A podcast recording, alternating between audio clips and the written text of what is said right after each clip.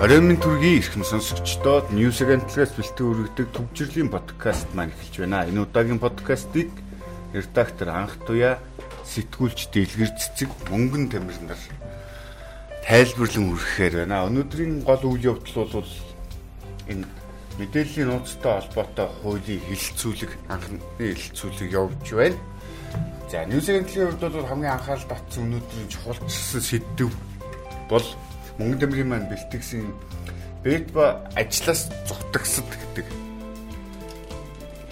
нийтлэл байна. Энэ нийтлэлийг яагаад бичих болоо? Энэ бол яг л нөгөө эцэг эхчүүдийн хүмүүсийн анхаарлыг хандуулаад байгаа санааг нь хилээж байгаа нэг юм болоод яг л энэ болчиход байна тий. Нэгсэндээ одоо мөрөдөө бооцоо тавиал амьдрах зоригтой ийм залуучууд бол өсөн нэмэгцээр байна. Дээр нь манай телевизүүдээр ч гэсэн өдрийн цагаар бол байнгын нэг язтан үндэсний язтан ч нэг юу ч гэнэ 4 5 телевизээр ингээд явж байгаа ингээд харагдаад байдаг. Залуучууд ч гэлтгүй энэ бас нэг дунд үеийнх ялангуяа ахмад насныхан гэртээ байдаг хүмүүс чиглэсэн тий хүүхдээ харж байгаа эхчүүд ч гэдэг юм уу чиглэсэн ийм юм хэрэмдээлийн хэрэгсэл хүртэл татам орогдоод орооцолтоод эхэллээ. За энэ талаар яриагаа эхлэхгүй юу? Ерөнхийдөө сүүлийн үед залуучууд, оюутнууд тэгээд бас нас тогтсон хүмүүс ч гэсэн одоо спорт беттинг гэдэг юм одоо спортын бооцоо тавьдаг энэ зүйл рүү орж ийн л доо. Олон а сурвалж байх шиг байна. Гадаад олон олон сайтуудаас сайтуудыг ашиглан. Одоо бит тавьж ийн. Тэгээд үнэхээр бас заавч ус хүндэхгүй байхын аргагүй сэдв байлаа л да бүр бүр яг сүүлийн нэг 2-оос 3 жил бүр эрчимтэйгээр яг энэ бэд гэдэг зүйл эрчээ авчлаа. Тэгээ үнийгээ дагаад ингээд үйлчлэгээ те бизнесийн үйлчлэгээнүүд гарч ирж байна. Ч бас нөгөө талаараас хүмүүс одоо хүнд мөнгө гадагшаага орсоод гэсэн үг л дээ. Бас талаас бас нэлээд хөндөс зүйл шиг болж харагдсан. Тэгээд олж байгаа хүн түнцөөхөн. Одоо хүнд бооцоо тавиад олж байгаа хүн түнцөөхөн ер нь алдж байгаа нь их байгаа гэсэн өнцгөр э, бичгийг зорьсон. Тэгээд бас ажил хийх хүмүүс яг нэг цар тахлын үед ялангуяа амар хэлбэр аргаар одоо утаснасаа компьютерийн ардаа сууж байгаа хэмээ юм шиг ингэж амар аргаар болох нь мөнгө олох нь ихсэж байна. Энэ байдлаа зогсоогооч ээ. Хөтөлбөрийн настан хөтөлбөр хийгээч гэсэн тийм хөө санааг бүрхэхийг зорьсон байна. Энэ чинь тэгээд манайх гэлтүүрийн дэлхийн бас нэг толгойн өвчин болоод байна л та тий. Америкт чинь 2.5 сая хүн энд донтцсон.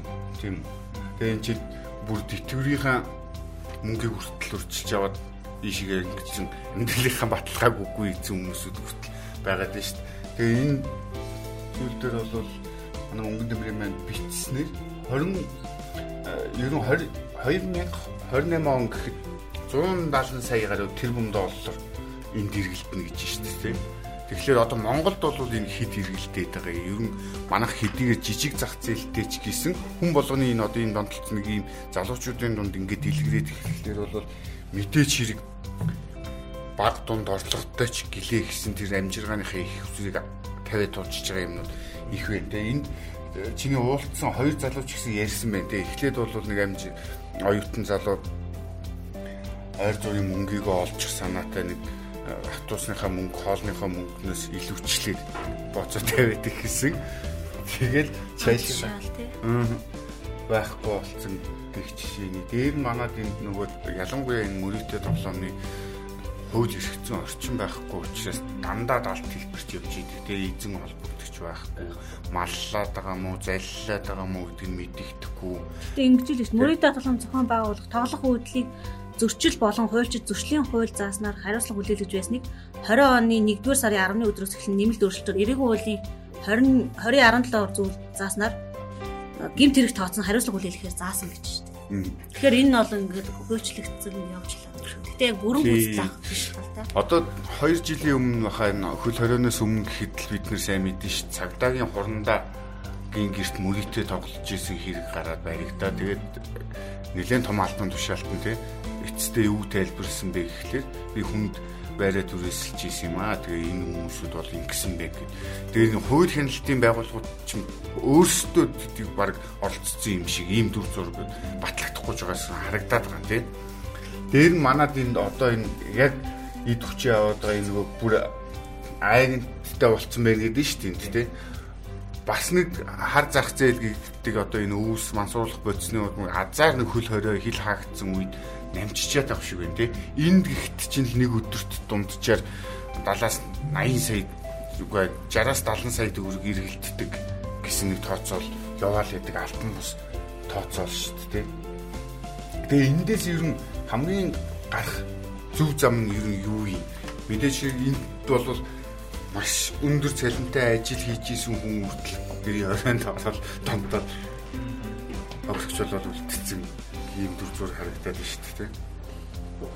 Ажилгүйтэй холбоотой байна уу те ажил хийх сонирхолгүй байгаатай холбоотой байна уу?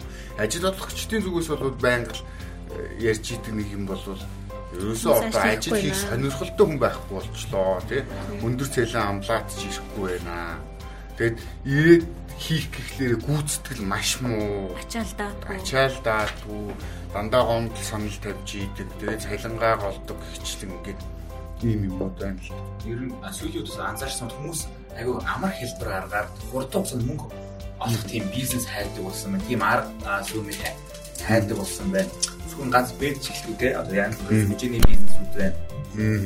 Ер нь дэлхийн нийтээр л энэ амар хэлбэр аргаар хурдан хугацаанд их мөнгө олох тийм систем рүү юм уу тийм нөхцөл рүү чиглэлээ л дээ. Тэгээд яг энэ дээр л яг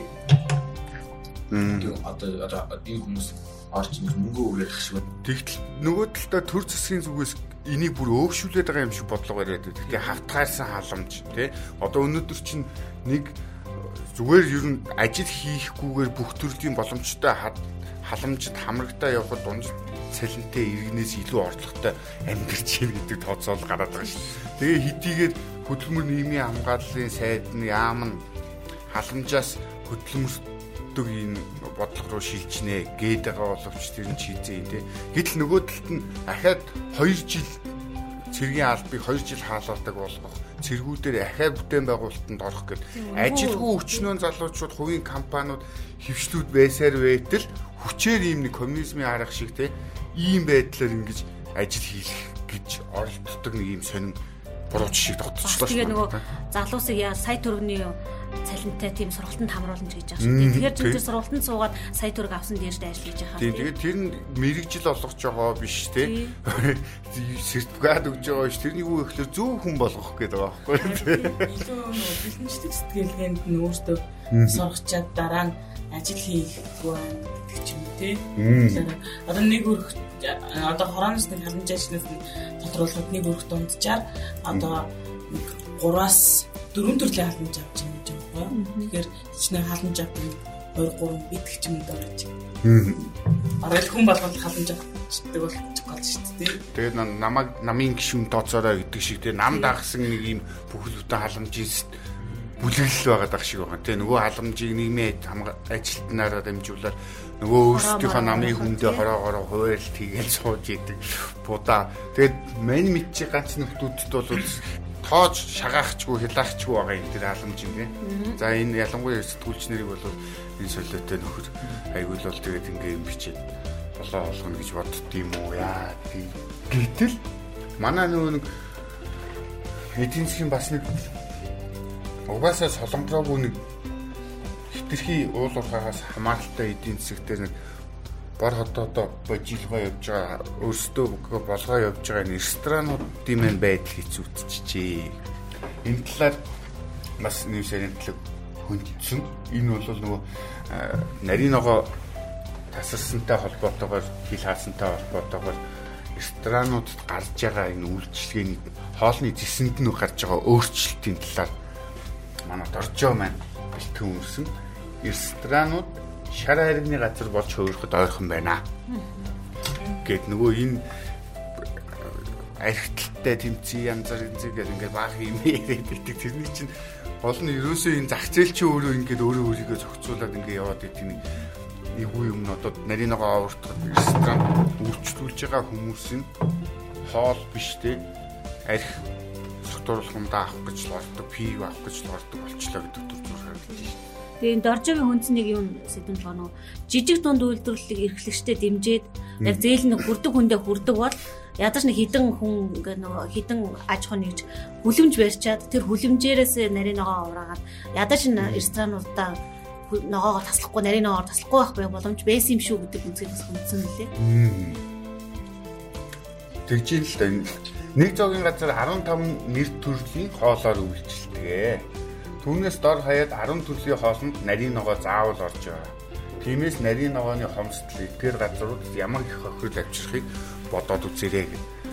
Яг л тийм байгаа байхгүй. Тэгээ одоо за осолтгүй нөгөө бидний хамгийн их хэрэгэлдэг ширхгийн гэдэг хоол бууз хуушуур тэ баяш баяжтай цайнаас бусд нь бол бүгдэнд нь л орж байгаа шүү дээ.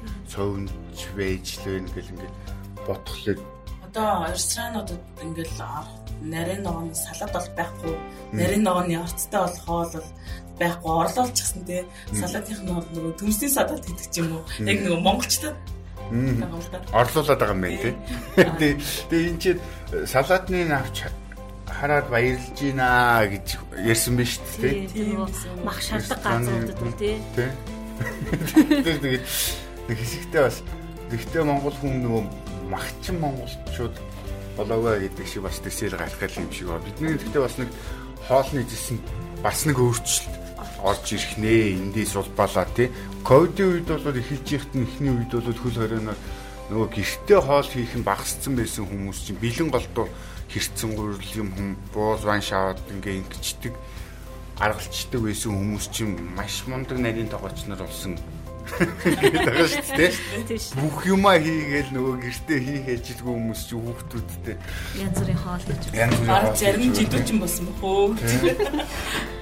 Тэгээд нэг юм байна. Тэгээд ямартай ч гэсэн ресторанынхан маань болж үтгэхээрээ орлуулж айтайхан хоолоор үйлчлэх санаатай байгаа юм байна. Тэгээд хийлгээл маань хизээ ярих нь бас мэдэгдэхгүй хിവэрээ л байна. Өнөөдөр гэхэд ч дээрээ дахиад нэг халдрын тохиолдол бүртгэж илэрчлээ гэж тийм. Тэгээд нөгөө хариуцлага алдсан хүмүүстээс тоо тоо нөгөө шийтгэл оногдуулж хариуцлага тооч чадж юм л да 1000 гаруй хүнд одоогийн байдлаар нөгөө шинээр гар сүүл гарсан давалгаатай холбоотойгоор хариуцлага тооцоо. Тэгээд Элша гэдэг нөгөө юунд хот хошуунд нь болохоор бүр ингээд 6 хүнийг ингээд эрүүл мэндийн тэр нөө зөвлөлийн дарга маргатаар ингээд бүр хүнд шийтгсэн гэж бичсэн байгаа байхгүй. Тэг яг яг ямар шийтгэл нь мэдэхгүй. Гэтэ хүнд шийтгэл оногдож хариуцлага тооцсон гэж байгаа. Энэ систем манад бас аягүй дутагдж байгаа тий. Зүгээр нэг албан тушаалаас нь халлаа гээл өөр газар руу тамилаад байлгаж аваад буцаагаад татчихдаг тий нэг ийм хүний нүд хуурсан тийм шийтгэл оногдуулдаг хариуцлага гэдэг тий. Тийм тэгээд тэгтээ бас бид нар энэ систем ч хүсээд ах систем биш юм шиг байгаа. Тэгээ яд чи өөрсдөө хэдийгээр хятадын онцлогтой социализм байгуулж байгаа гэж хэлээд байгаа боловч тэгээ эдийн засгийн нөгөө эрхчлөө юмны хувьд бол маш хязгаарлагдсан л дээ. Саяхан хичээлийн оны ихэнд хичээл нөгөө мундаг гайгүй хувийн ивчлийн гэж исэн Alibaba юу юу лээ нөхдүүдийг авцраал амын бариа хичлаа тий. Дандаа цаана нөгөө улсынх нь өөрсдийнх нь үйлдвэрүүд нь явж идэг Тэгээ ер нь нэг багцаагаар нэг 10 мянган тэрбум төн байд юм уу юу те. Нэг 100 сая одоо яг нөгөө хятадын коммунист намынхан 100 сая хүн болвол их чинийлэг амьдраад ах шиг байгаа тийм. Тэг чин Сизимпин ч нөгөө 100 жилийнхаа ойгоор ядуурлыг бид нар даван туллаа гэдээсэн чинь бас барууны хэвлэлүүд дээр гарсан мэдээлэлээр бол 600 сая хүн 3000-аас доош сарын юаны орлоготой байна гэл ингээл мэдээлэл гарч ирж байна тийм. Яг нь нөгөө хүчтэй хүний ирэх мэрх гэхгүйгээр захиргааталтын аргаар л хятад шийдээд байх шиг байна тийм. Нөгөө цаад санаа нь болохоор өвөл болох өвлийн олимпиадаа бэлтгэлээ тэндээсээ гарч ирэх нөгөө эдийн засгийн эргэлтээ бодоод байх шиг. А гэтэл одоо нөгөө хятадын чи өөрийнх нь нүүрсний зах зээл австралтайгаа муудалцсанаас болоод бас хизүүдчлээ тий. Энэ дээр чи австралийн нүүрсний экспортын өрсөлдөөнөөс австрал нүүрсний экспортын өрсөлдөөнөөс гарахгүй гэдэг ингээд арт үе маань дотрал бэлтгэсэн байна л да. Энэ нөгөө дэлхийн уур амьсгалын өөрчлөлттэй холбоотой Парисын хэлцээртэй холбоотой гарч байгаа шийдвэрүүд үү? Австрал нөгөө айгүй хэм бохирдуулагч ингээд орнуудын нэг тоонд ордог. Тэгээд ерөөсөө тийм нэг шийдвэртэй арга хэмжээ авахгүй нэг айгүй шүүмжлүүлдэг байгаа байхгүй. Тэгээд тэгсэн чинь энэ 7 хоногт нөгөө Австралийн ерөнхий сайд нь болохоор манайх одоо 2050 он гэхэд хүлэмжийн ялгарлыг тэг болгоно. Гэхдээ нэг онцсон юм энд тэг болох арга хэмжээнд манай X уур уурхайн салбар ерөөсөө хамаарахгүй бид нар нүүрсээ олборлогоороо олборлноо гэж мэдгдсэн байгаа хгүй. Тэгэхээр энэ Австрал бол 2050 он гэхэд хүртэл бол ямар ч гэсэн нүүрсний зах зээл дээр бол байж лээ гол нийлүүл экспортлогч орон хിവэрэ байна гэсэн. Хэдийгээр ингээд нөгөө хятад Австралиарын харилцаа төр хугацаанд одоо энэ ч төр хугацааны л юу штэ хоорондоо зохицчих юм бол буцаал Австралиас нүүрсээ ягаад экспортлоод ирнэ. Энэ хооронд нь Орос Индонез, Монгол гурыг ингээд ер нь энэ Австралийн орон зай төр нөхөх боломжтой гэж эдийн засагч үзсэн байгаа байхгүй юу? Яагаад бол байгалийн хувьд ойрхон Тэгсэн чинь нөгөө монголчин ямар нөхцөлтэй байгаа лээ тэр нөгөө нөхөр төргээ туулаа үүснэ гэдэг нэг тийм нөхцөлтэй байгаа байхгүй? Тэгээд Австралийн эсрэг 20 50 год Монголын нөгөө нүүгсний экспорт 17.17%-аар өгсөн гэж байгаа байхгүй юу? Тэгээд одоо нөгөө сая тонн нүүрс экспортлсон байна тийм. Тэгээ ингээд хөл өрөө гараад нөгөө хил мэлэн янгууд буцаад унжиж байгаа байхгүй юу? А энэ хооронд Оросынх бүр 50%-аар өссөн байгаа байхгүй юу? Тэгээд тэр хооронд бас Казахстанаас Хятад руу ингээд нүүрс нүүрс экспорт болж байгаа. Ингээд айгүй тийм нөгөө бодлоготой улсууд бол ингээд энэ боломжийг айгүй хурдан ашиглаад ингээд өөртөө орлогыг нэмдүүлчихэж байгаа байхгүй юу? Манайх чинь тэгэл ус төрчиж байсаар байгаа тэгээд боломжоо баг ингээд алдчихж байгаа. Одоо манайх чинь Хятадтай хамгийн ойрхон мөртлөө одоо хэцүү аргаар чадахгүй тий ингээд гацаанд орсон юм гэсэн чинь бүр Америктэй бүр ингээд тэр дамжаад далайн бомдор ингээд нүрсээ ингээд экспортлоод бүр тэр нь ингээд нэмэгдээд байна шүү дээ. Манайх шиг одоо одоо яг энэ Монгол хувилбарыг нь болохоор манай дэлгэр цэцэг сайн ярих бах тийм талаар материал бэлдсэн ямар материал вэ гэхээр та бүхэн уншихыг хүсэх юм бол Австрал нүүрсний экспортын өсөлтөөс гарахгүй энэ АК-гийн материал уншиж байна. Ирэх онд 36 сая тонн нүүрс экспортлох мөрөөдөл замрах вэ гэдэг энэ төсөв тусгасан тоог яриад байна тий. 40 энэ онд болохоор 40 сая тонн байж байгаа 4 саяар болгоц юм байна тий.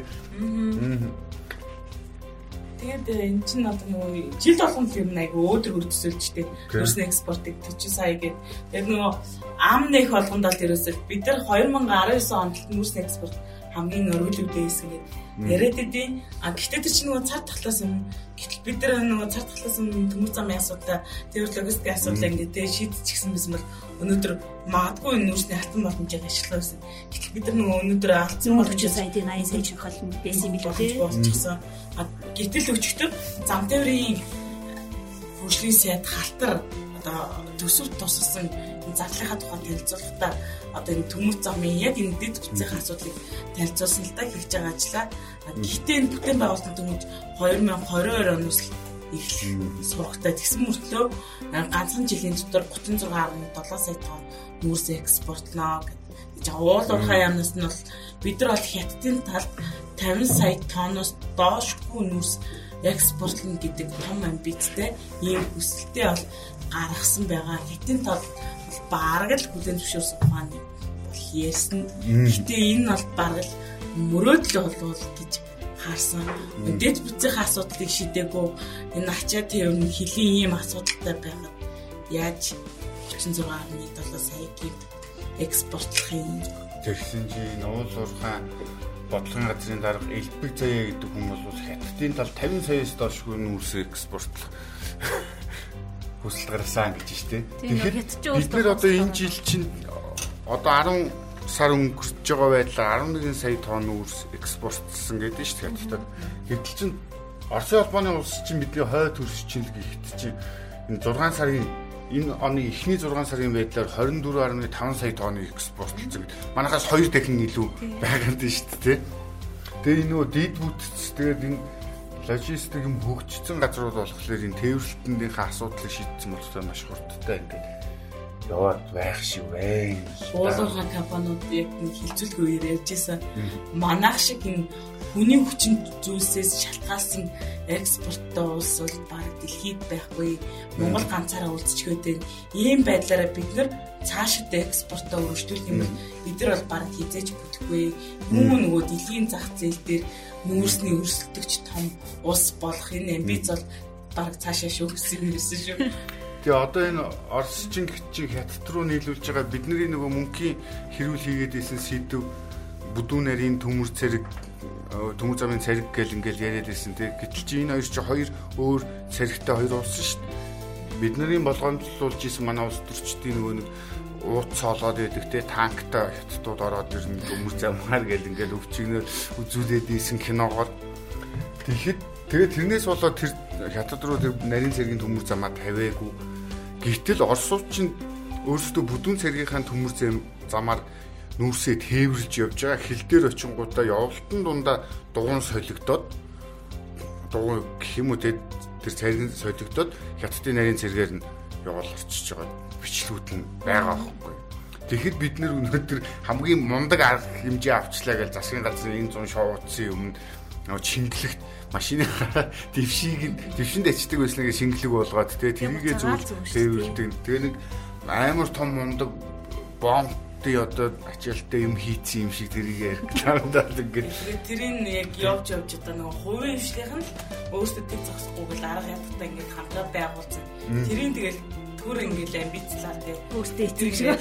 Яг нь гадаад бодлого нэг яг нь дэмжиж өгсөн л ах л та. Тийм нэг тийм байна. Тэгэхээр манай Монгол бүтэхгүй гэдэг шиг.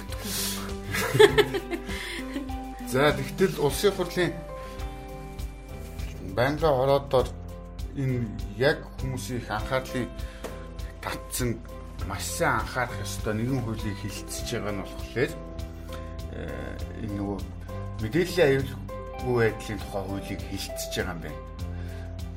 Тэ?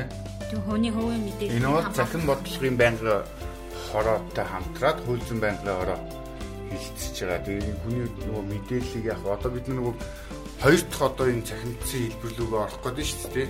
Шадар сайд бол мэдээлэл харилцаа холбооны газрын энэ ковидтой холбоотой гурав дахь том датаг бий болгоо гэдэг ингэсэн тэгээ өвдсөн өвчлсөн вакцин илгэсэн яасан яасан бүгднгийн нэгдсэн тийм гаргаж ирж идэг. Энийний цаана нөгөө бид нар бас хувь хүний нууц руу энэ төрийн байгууллага манай шиг одоо иргэний хүний эрхийг дээдлэхгүй байгаа даа энэ нөхцөлд бол тухайн хүний үзмжээр хүний нууцд халдах одоо их хүүхий байгууллагуудын нөхдүүдийн тийм боломжийг энэ хууль орчин чим бүрдүүлээд өгчих юм байна биш байгаа гэсэн болгоомж байна л да. Одоо тэр хичнээн тэр нөгөө буруу үйл хийгээд яваад байгаа ч гэсэн замын цагдаагийн ингрийн камерад баасанд орж идэг өмгөөлөгчийг өөрийнх нь нэр устай нийлээд хаана явж байгааг нь машиныхын дугаар нь хараад ингээд олон нийтэд гаргаад явж исэн тий. Дээр нь хичнээн тэр хүмүүс ингээд хууль шүүх прокурорын хоорондоо уулзч болохгүй ч гэсэн байлаа гэсэн тэд нарыг ингээ явж гин гэдгийг нь зүгээр нэг орцны камераар ингээ бүх юмыг ингээ шүүгээл гаргаад ил тавиал ингээ чижийдэг байх жишээ нэг тийм. Тэгээ ийм нөхцөлд бол манайхан хүнийг доромжлын энгийг гэх юм бол тийм харлуулын гэх юм бол яач ямар ч байдлаар нөгөө нэг аюулгүй байдал тэр мэдээллийг нууцлах юмыг хинч очиод халдаад гаргаад ирч чаддаг. Хүсэх юм бол хинч байгаад гаргаж ирч чаддгүй тэгээ бичлэг нь байдаг. Одоо бид нэг санамсаргүйгээр зүгээр юм ахын хулгай мулгай юм алдчихаар камер шүүлэх гэхлээр байдгүй үстэй ажилтг камертай газар байхгүй тий эмчээ камер байдгүй гэсэн нэг юм ярьж идэг. Дээр нь тэр камерын газар нь альбом тушаалтнууд нэгттэй юм шиг байгаа. Мань мэдийн хүмүүс болохоор очихлоор хаалттай нэг шоронгийн газар шиг оруулах хэрэггүй гэх байж. Зарим баг бичиг авчир цавтаагаас гэх тий нэг үзэхийн тулд гэл Тэгээ энэ мөнх өргөл гişүүч гэсэн яг л энэтэй холбоотой бичсэн байна л да. Хөв хүний мэдээлэл цуглуулах боловсруулах, ашиглах аюулгүй байдлыг хангах гэсэн заалт байна. Аюулгүй байдлыг хангахаас гадна хадгалах явцад мэдээлэл алдагдвал яах вэ? Үүнээс гадна өөрт хамаарах гэр бүлийн гишүүд хамтран амьдарчтай хамааралтай мэдээллийг тухайн хүний халтчгүй чөлөөтэй байх эрхийг зөрчилгүйгээр цуглуулна гэсэн заалтыг ойлгохгүй байна. Одоо нөгөө гэр бүлээр нь хамгийн их улс төрчнөр бол оролцдог тий. Тэр чинь одоо энэ хуулийн дээр аюулгүй байдлыг хангаагүй байгаа байхгүй тэр хүмүүсийн мэдээллийг яаж нууцлах тий. Энэ холбогдолтойгоо гээд ингээд тэгээ одоо гүйцэтгэх ажиллагаа гэдэг байдлаар түрүүн ярьжсэн тэр зураг хөргийг нь гаргаад тавьчихдаг тий. Уг нь бол үндсэн хуулиндээ бид нар чинь хүний гин буруутай зөвхөн шүүх тогтооно гэсэн байдал. Тэгээд шүүх хурлан болохоос өмнө аль хэзээний банахыг яллын нөгөө цаазлахын цаазлаад дүүжлэх оромжлоо. Ингээд нэр хүндийг нь байхгүй болгоцсны дараа шүүх хурлан болдог. Эргээд нөгөө хүн буруугүй байлаа гэж гарч ирлээ хэд хизээний буруутай ойлгож хууль шүүхийнх нь буруу шийдлээ болоод хувирдаг нэг юм. Хэцүү үед бол ийм маш их анхааралтай нэг 7 хэмж нэг хөтлөхөөр л явж их шиг байна тийм. Цагаасаа төрүүлээд батлагтахад хууль юм гэж хараад байна. Яг Америкч гэсэн бас нөгөө Facebook Google-ийн захирлууд ч нэг сенатын оролт дээр очиод хамаг юм яриулдаг шүү дээ. Тэгээд тэр шиг юм одоо ингээд болох гадах шиг гэхдээ бас ямар амар л тэр бодсон камерууд нүр айгуу чиглэх нүүр тэндэг болчихно. Хүмүүдээр хажуудаа гарч идэг. А хэдэн зуун одоо хэдэн зуун мянган хүн байсан ч тэр боломжтой тавьсан. Хүн нэг хүрчлэг юм гэж мэдээлэл гаргаж ирдэг. Маадас яг тийм хөө технологи бол нэвтрэх нэвтрэх хугацаанаас болсон уу юу? асуудалтай арай л үйлчийн сайдны Баатар хөтлөгчдрийг энэ асуудлаар ярьжсэн бид нар 2022 онд яг энэ нийслэл орон нутгийг бүрэн камержуулнаа зам тээврийн устдас төрсэн сэргэлбэрүүд гэж байгаа. Тэгээд бас нэг онцлог нь болохоор гадаадаас бол нөгөө дотоод иргэдийнхаа эхлээд мэдэж байгаа иргэдийнхаа мэдээллийг одоо нэгдсэн мэдээллийн санд байршуулна гэдэг зүйл ярьж байгаа байхгүй юу? А бас гэхдээ энэ хуулийн прокурорын шүүх таслахын хяналтын ажиллагаан дээр химэл оюун ухааны тусламжтай гараад энэ хэрэгэд хянаа шүмтгэхээр тухайн хүн прокурор дээр бичлэн очих шаардлага болно. Юуныг болохоор эх 2022 оноос хэрэгжүүлэх гэж байна. Гэтэ яс энэ ажил яг тухайн ондоо хэрэгжих үгүй юу гэдэг чинь байсан. Дээрээс нь тэр одоо улсын хэмжээнд одоо бүгдийг камержуулна гэх тийм энэ чинь бас нөгөө тухайн үедээ бас нэлийн магаан талцууд гэсэн. Тэр одоо жишээ нь хүний гим буруутай эсхийг тэг хүний ам амьдралыг шийдэх асуудлыг хиймэл оюун ухаан даатах гэдэг бол миний хувьд бол байж боломгүй явдлаа байхгүй юм те. Тэгэхээр хиймэл оюун ухаанд өгцөн өгдлүүдээр миний амьдралыг тэр шийднэ гэдэгт бол зөвшмөргүй байгаа те. Янз янзын үйлдэл тэг хүн шиг тэр чинь хүн л биш юм чинь өгдлөөр л ажиллаж байгаа юм чинь те яг манай салбарт ч гэсэн хятадуудны туршилт хийгээлсэн те мэдээний автомат хөтлөгч. Гаргаж ийл тэр нь цагт биднээс бол хувь хүнээс бол нөгөө нэг гүйцэтгэлийн хувьд бол маш өндөр те алдаа мадаг багтаа гэж байгаа боловч тэр чинь хиймэл оюухан бол хиймэл байгаа те нөгөө талаас манай одоо иргэдийн хувийн мэдээллийг цуглуулж авчаад хадгалж чаддаг учраас асуудал байна л да. Бас гадны ер нь те гадны хакеруудын тогтолцоо ер нь бас байнга ирдэг. Одоо юу яах вэ тохиолдолд нэг арай гайвуу хүчтэй нэг тийм хакеруудын тоглоом нөхцөл бид нар Монгол улсын иргэдийнхаа мэдээллийг алдуудаас яах вэ? Талаараас бодох хэрэгтэй байх. Чи улс орны одоо ард иргэдийн мэдээллийг авчнаа гэж Тий одоо тэр тэр мэдээлэл дунд чинь хүний хувь нөөцтэй холбоотой ялангуяа энэ өвчний түүхтэй нөөцтэй мэдээлэл дунд бол хин юу ийддэг ямар цагаар хаана яаж явдаг ямар маршрутаар явдаг бүх юм байгаа шүү дээ Тэгээ одоо ялангуяа монголчуудын энэ хөдөлгөөний дутагдлын хумнаас болоод хоол хүнснээс болоод сахарын шижим болоод дундаас дээш насныханд бол маш их болцсон. Тэгээд тэрвээр нь дэмжүүлээд хорлыг гэснийгээ хорлж болохоор байхгүй юу те юм бол яг өнгөрсөн жил ч те өнгөрсөн жил чинь нэг жилийн өмнө лөө а ковидос яг дийдэж явах үеэр хаа яг миний санджаар бол манай нөгөө сэтгүүлч эренчин толон бас эдийн талаас суулчихжсэн нөгөө эрүүл мэндийн яамны сайт нь өөрөө хакдуулчихжээ гэдэг зүйл мэдээллийг биднээс нөгөө дэлгэсэн шүү дээ тийм. Тэгэхээр эн чинь хөл бүтэн эрүүл мэндийн яамны сайт нь хакдуулт гэдэг чинь өөр юм чинь маш том. Тэгээд бидний ш нөгөө одоо эрүүл мэндийн үйлчлэгээний бүх юм чинь цахим болж байгаа шүү дээ. Одоо нэг өвчний дүүхэн хэл цахимжаад шууд хадгалагтаа явна гэж байгаа. Тэгэл тэр алдагдах магадлал айгүй өндөртэй. Тийм бид нар энэ цахим одоо энэ ялангуяа энэ юм бол мэдээллийн технологи хөгжиж байгаа үед бол зөвхөн хэвлэл мэдээллийг хааж боох зорилгоор энийг төлхөө ашиглаад байдаг тийм илүү өргөн хүрээнд томоор хардах ёстой юм шиг байна. Ялангуяа манай энэ улс төрчнөр тэгээд одоо жишээ нь тэр нүүр таньдаг, царай таньдаг камер Улаанбаатар хотод суурилчих юм бол жинхэнэ одоо ялангуяа энэ дээрээсээ доошо даалгавар авдаг нөхдүүд бол хүний доргоо нөхрийгөө бол юу хийж явж байгаа бүгднийг ингээд дэлгэж штэ тий мөрдөөд явж их боломж нь тэр чинь хангагдж байгаа байхгүй тий. Тэр тийхгүй байлгах боломжийг нь яаж хааж өгөх юм гэдэг нь учраас одоо энэ мөнх хөргөлөх шиг байна шүү дээ. Ийм яагаад ингэж ойр дотных нь хүмүүсийг нууцлалыг хангана гэдэг юм байхгүй юм бэ чинь гэдэг ингээд ялангуяа улс төрчнөр болоод сайн усуулдаг хүмүүс болохоор нөгөө гэр бүлийнхээ хашир гаргаж ирж байгаа.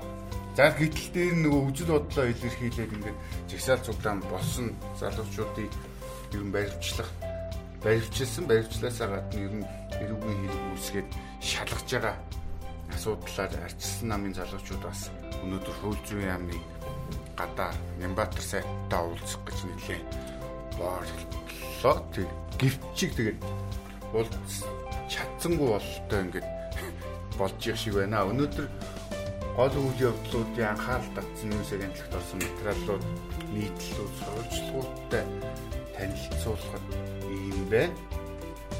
Тэгээд дараа та бүхэнтэйгээ төвчрлэг подкастаар илүү дэлгэрэнгүй мэдээлэлтэй өнөөгийн хүнцэн асуудлууд цаашд хэрхэн өрнөх үү? Яаж ямар байдалтай өрнөж байна гэдгийг та бүхэнд дэлгэнгүй мэдээлэх болноо. Бидэнтэй хамт байсан. Та бүхэнд баярлалаа.